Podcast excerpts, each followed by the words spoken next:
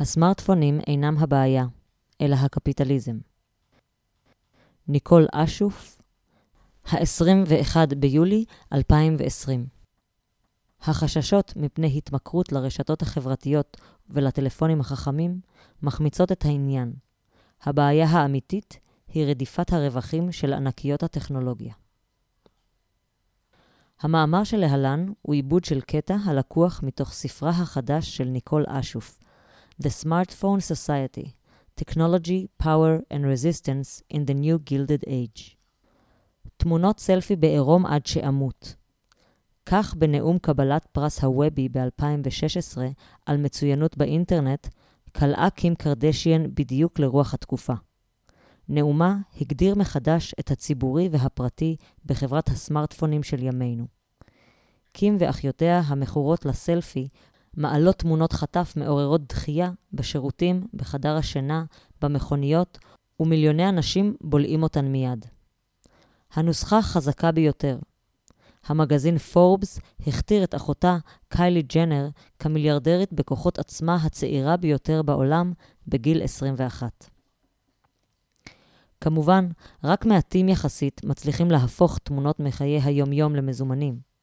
ועדיין, אם נודה באמת, רבים מאיתנו מתחרים באחיות קרדשיאן בכמה חיינו הפכו למקוונים באופן קיצוני. שלושה מיליארד בני אדם בחודש מבלים בממוצע 135 דקות ביום ברשתות החברתיות, ו-70% מהזמן שלנו ברשתות הללו מתקיים בטלפונים שלנו. זמן המסך הכולל ארוך כמובן הרבה יותר. מומחים לרשתות חברתיות טוענים כי לא ניתן לנתק עוד בין הרשתות החברתיות ובין השימוש בסלולרי. מרבית התוכן ברשתות החברתיות דומה בנושאיו לתפריט הקרדשיאני. אינסטגרם וטוויטר הם כלי קיבול ללא תחתית לתמונות סלפי מעוצבות עם שפתיים משורבבות שמצולמות במסעדות, פארקים, מוזיאונים, הלוויות, אמבולנסים ומחנות ריכוז.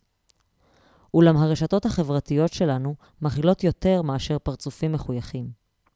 זה כאילו האנושות חיכתה במשך כל קיומה לנעוץ בפינטרסט רעיונות למטבח החלומי, לכתוב ביקורות פדנטיות וציוצים מרושעים, לשתף קטעים משעשעים של חתולים, ממים של מפורסמים ומכתבים שנוזפים בשושבינות שלא הסכימו להוציא כסף על חתונות פאר בחו"ל.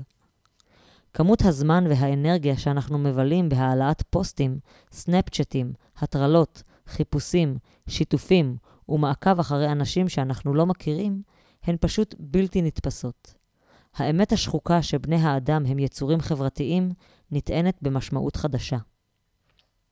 לאובססיה שלנו לרשתות החברתיות יש שכבות רבות. התשוקה לסטטוס חברתי, להתנסות ולשליטה חברתית. רשתות חברתיות מציעות תחושת משמעות וחיבור, גם אם הם עם אנשים שבקושי או מעולם לא פגשנו. אבל מה המחיר?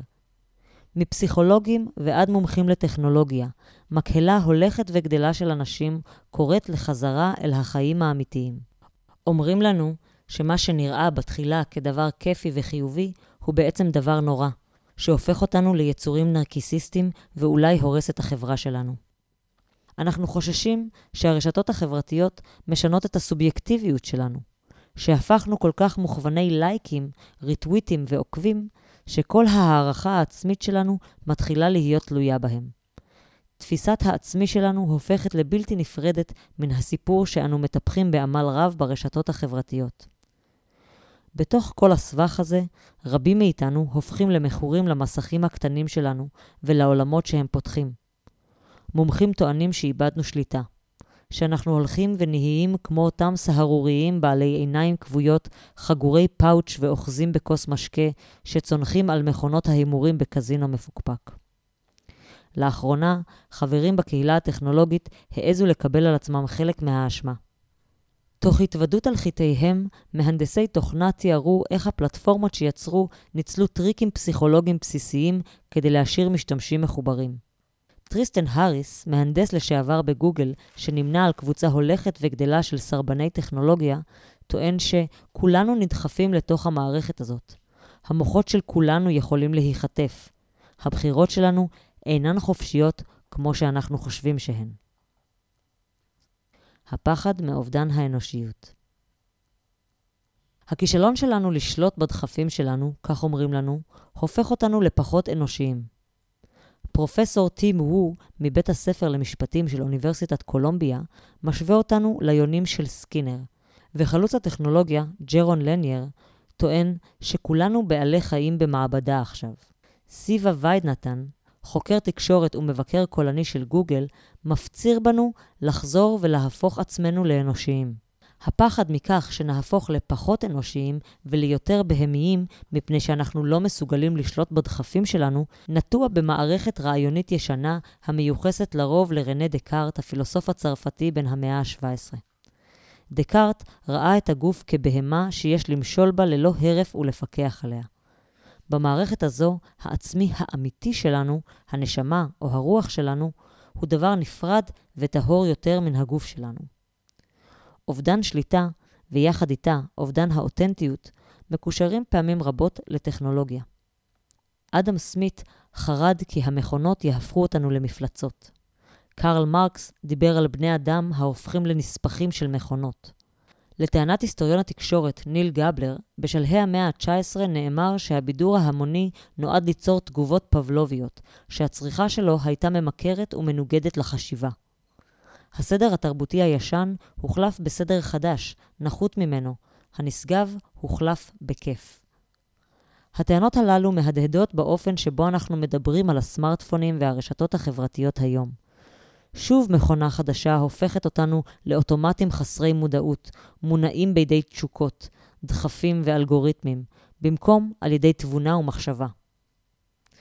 אולם עלינו להיזהר בדרך שבה אנחנו ממסגרים את החששות שלנו. קל ליפול ליצירת מיתוסים. דונה הראווי הזהירה מזמן לגבי הקושי לדמיין את אותו אדם טהור שהתקיים לפני הטכנולוגיה. אווה אילוז מציינת עד כמה הביקורת שלנו מהדהדת את הכמיהה לטהור, והמסגור של הדיונים על סמארטפונים בוודאי משקף את האובססיה הזו לטוהר ולעצמי האמיתי שלנו. ההבחנה הנפוצה בין החיים האמיתיים והחיים הדיגיטליים משקפת זאת יותר מכל.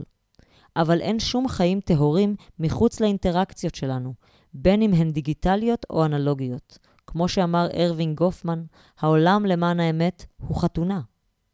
העניין כאן הוא לא לבטל את הפחדים והביקורות הקיימים ביחס לרשתות החברתיות והסמארטפונים. להפך, עלינו לקחת את הפחדים הללו ברצינות רבה, ולא לאפשר לתחום אותם בתוך דיון על שחרור דופמין במוח או על מסלולים עצביים. כדי להבין את השינוי שמתחולל ברגע הנוכחי, עלינו לנוע מעבר למסגור בעיית הסמארטפונים כבעיה גופנית, בעיה מוחית או בעיה בשליטה עצמית. המסגור הזה מעצים את התפיסה הרווחת בקפיטליזם הניאו-ליברלי. סוגיות חברתיות קורסות אל תוך בעיות אישיות שיכולות להיפתר דרך סדרה של בחירות קטנות. פתרונות קטנים הם בדיוק מה שחברות הטכנולוגיה מבקשות להבליט כיום. מתוך חשש מפני הפניית אצבע מאשימה כלפיהן, ענקיות הטכנולוגיה מתחילות להציע כלים לניטור עצמי שמטרתם רווחה דיגיטלית. יש בכך רק בעיה אחת. החברות הללו לא באמת רוצות שתניחו את הסמארטפון שלכם מהיד.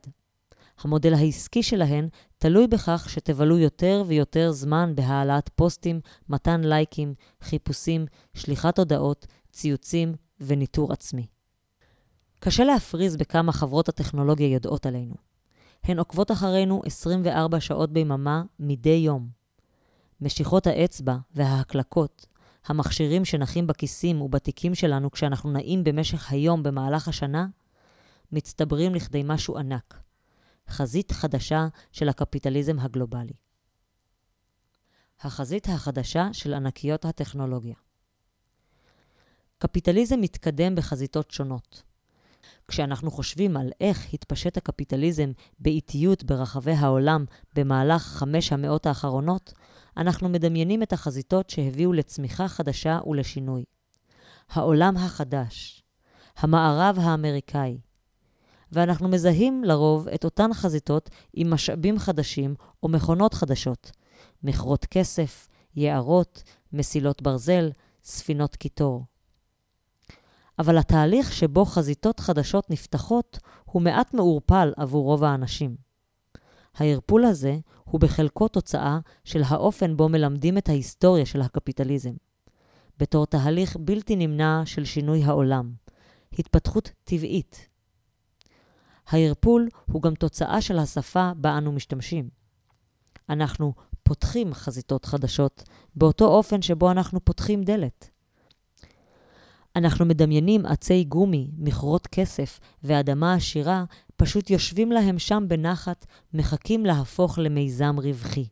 התיאורים הרווחים הללו הם לא רק שגויים, הם מצמצמים את היכולת שלנו להבין את הופעתן של חזיתות חדשות, ומחזקים תפיסה דטרמיניסטית שמזהה שינוי עם התקדמות טכנולוגית, כמו מסילות רכבת או סמארטפונים. כדי להבין את הכיוון אליו אנחנו צועדים ברגע הטכנולוגי הזה, עלינו לעמוד על קרקע מוצקה יותר בהבנתנו את השינוי הכלכלי. חזיתות נוצרות, לא נפתחות. כדי לתפוס את הקפיטליזם מתפתח ומתרחב, כיצד חזיתות חדשות נוצרות, דרוש להציב אנשים במושב הנהג, ולא מכונות או מאפיינים גיאוגרפיים. אז היכן הם בני האדם בקפיטליזם?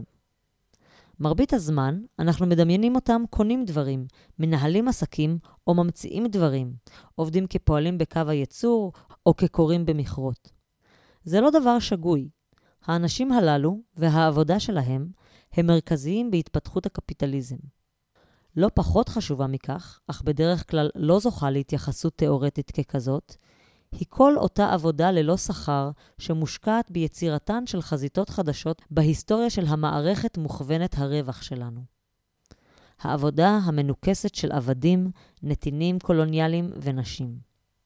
אין אפשרות להבין את ההתפתחות של הקפיטליזם מבלי לקחת בחשבון את ניכוסה של אותה עבודה ללא שכר.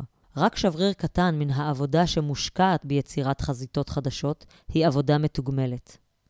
זה לא באג במערכת, אלא פיצ'ר שלה, כפי שנהוג לומר. הסוציולוג ג'ייסון מור טוען שהקפיטליזם תלוי בטבע זול, עבודה, משאבים, אוכל, אנרגיה, ושניכוסה של עבודה ללא שכר הוא חלק מהותי מהתפתחות הקפיטליזם בדיוק כמו עבודה בשכר. כיום, עמק הסיליקון מגלה חזית חדשה של ניקוס, והוא משתמש בסמארטפון שלך כדי לפתוח אותה. אינסטגרם נמכרה עבור מיליארד דולר ב-2012, למרות שהעסיקה 13 עובדים בלבד באותו זמן. וואטסאפ העסיקה 50 עובדים כשנקנתה על ידי פייסבוק בעבור 19 מיליארד דולר ב-2014. זה לא פחות ממדהים. מדוע החברות הללו שוות כל כך הרבה? אנשי העסקים המעורים בתחום טוענים שהערך הרב שלהן נגזר מפוטנציאל הרישות שלהן. זה נכון, אבל גם מערפל עובדות חשובות. הערך של אינסטגרם או וואטסאפ, בדיוק כמו הערך של חברות טכנולוגיה רבות אחרות, מצוי בעבודה ללא שכר שהן מתפעלות, והיכולת שלהן להפוך את החיים, את חייך שלך, לנכס. ניכוסה של עבודה ללא שכר אינו חדש.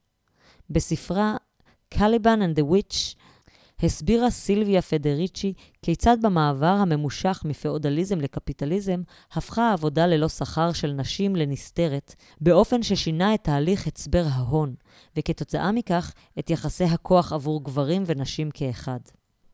בהתפתחותה של החזית הדיגיטלית, אנחנו חוזים פעם נוספת בהגדרה מחדש של פעולות החיים ובעלייתה של דינמיקת כוח חדשה. בהתהוותן של החזיתות הדיגיטליות מנוסח שילוב חדש של ניקוס וניצול.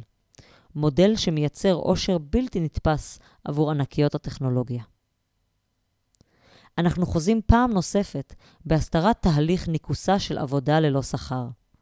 אלא שהיום זו לא רק עבודת נשים שמנוכסת ומוצגת בתור משאב טבעי, עבודה של אהבה. זו העבודה של כולנו, השעות שאנחנו מבלים מדי יום בסמארטפונים שלנו, יוצרים תוכן ומידע באמצעות החיבור התמידי למכשירי היד שלנו. בשעות הללו, החיים שלנו הולכים ונטמעים עמוק במחזורי ההון כמו שלא היו מעולם. העבודה המנוכסת שלנו, ובאופן כללי יותר העצמי הדיגיטלי שלנו, הם המפתח לחזית הדיגיטלית. כיום, אנחנו מסכימים לעסקה שמציעות לנו ענקיות הטכנולוגיה. אנחנו מקבלים אפליקציות מגניבות וכלים לתקשר עם אחרים, לבדר את עצמנו ולהשכיל. החברות מקבלות גישה ושליטה בלתי מוגבלת לכל המידע שאנחנו מייצרים באמצעות מכשירינו המחוברים תמיד. אבל העסקה הזו שברירית.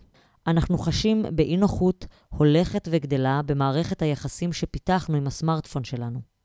מוטרדים מן הדרכים שאנחנו מתקשרים ומביעים את עצמנו בעולמות הסלולריים, ומלאי חרדה שמא התלות הגוברת שלנו בסמארטפונים תשתלט על התחושה השברירית של אותנטיות ועצמיות. דיונים על אופן השימוש שלנו בטלפונים מתקשרים לתחושות של תיעוב ושיפוטיות המכוונים לעצמנו ולאחרים. אנחנו מאשימים את עצמנו בהיותנו חלשים ונרקיסיסטים. במידה מסוימת, אנחנו אכן חלשים ונרקיסיסטים. אבל עלינו להיזהר מהסברים שמאשימים את הפרט בסוגיה שהחברה כולה מתמודדת איתה. כשיותר ויותר אנשים הופכים חשדנים כלפי הטכנולוגיה, המוסדות ומערכות היחסים המתגלמות בטלפונים שלהם, הם בוחנים מקרוב את החברות ששולטות בהם. החרדות שלנו מבטאות מודעות גוברת לפגיעותנו אל מול ענקיות הטכנולוגיה. תחושה הולכת וגוברת שאיכשהו החיים עצמם הולכים ומתעצבים סביב הצרכים של עשיית רווחים. תרגום אמיר אייזנמן